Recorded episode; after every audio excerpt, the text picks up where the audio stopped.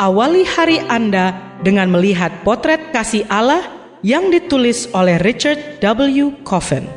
Melalui renungan pagi ini, kita akan mempelajari karakter Allah yang menuntun kita kepada kasihnya. Bersama Pendeta Andre Daimbani, selamat mendengarkan. Shalom, selamat pagi saudaraku. Renungan pagi kita hari ini 1 Agustus berjudul Yesus Mesias. Ayat intinya diambil dari Matius 1 ayat 1. Demikian firman Tuhan. Inilah silsilah Yesus Kristus, anak Daud, anak Abraham. Mari kita dengarkan penjelasannya. Mesias, apakah yang hadir di benak Anda bila mendengar kata tersebut? Oratorio karya Handel yang terkenal dengan paduan suara haleluya yang membuat bulu kuduk berdiri. Apakah Yesus yang menjadi pusat dalam Mesiah karya Handel?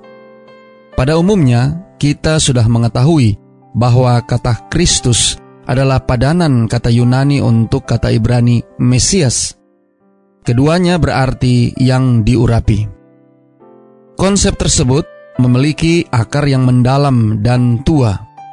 Di dalam lima kitab pertama Alkitab, Imamat, kata Ibrani, Masyah, muncul pertama kali untuk menggambarkan imam besar, sebagaimana dicatat dalam Imamat 4 ayat 3. Secara harfiah, istilah ini merujuk pada seseorang yang dikhususkan untuk pelayanan istimewa dengan cara dituangkan padanya minyak zaitun. Arti yang tak terlalu harfiah merujuk pada seseorang yang mengemban amanat. Dan apakah istilah itu dipakai secara harfiah atau kiasan? Kondisi dikhususkan atau diamanatkan itu adalah atas perkenanan Allah.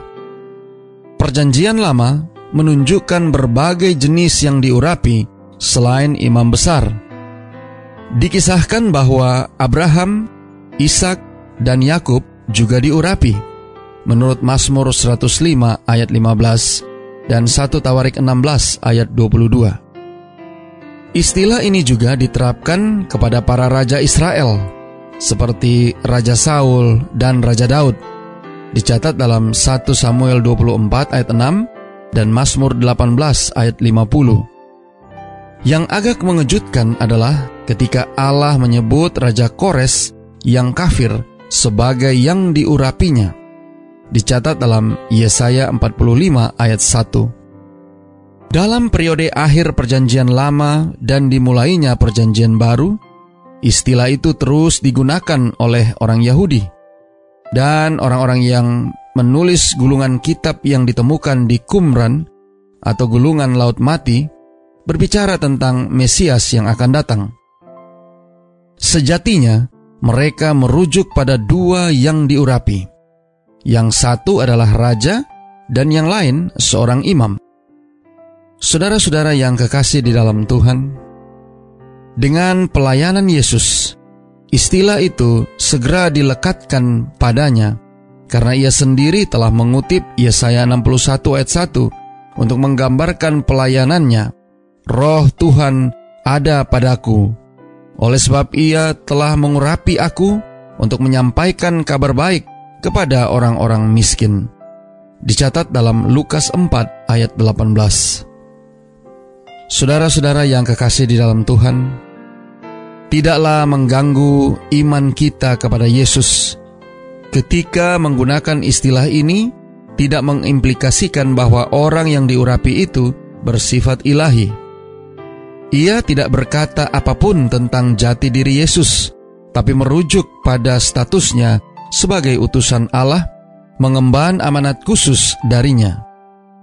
Banyak cara lain dalam mendukung kealahan Yesus Kristus, bahwa ia adalah Sang Mesias, mengungkapkan kepercayaan bahwa Allah berdiri di belakang Yesus dan memberikan amanat khusus kepadanya untuk berkarya. Doa kita hari ini. Bapa, terima kasih. Melalui renungan pagi ini, kami boleh mendapatkan satu pelajaran yang penting sehubungan dengan Yesus sebagai Mesias. Terima kasih melalui renungan pagi ini kami diingatkan bahwa Engkau adalah Yesus yang diurapi yang telah memanggil kami daripada kegelapan dunia ini menuju kepada terang yang kekal. Tolong kami hari ini Bapa, biarlah dengan pertolongan kuasa roh kudusmu, kami boleh senantiasa mendapat tuntunan, bimbingan, dan berkat yang datang daripada Yesus Kristus untuk memberkati kami sepanjang hari ini. Terima kasih Bapa. Inilah doa dan permohonan kami kepadamu. Semoga Tuhan senantiasa memberkati kita sekalian sepanjang hari ini saat kita melakukan aktivitas kita masing-masing.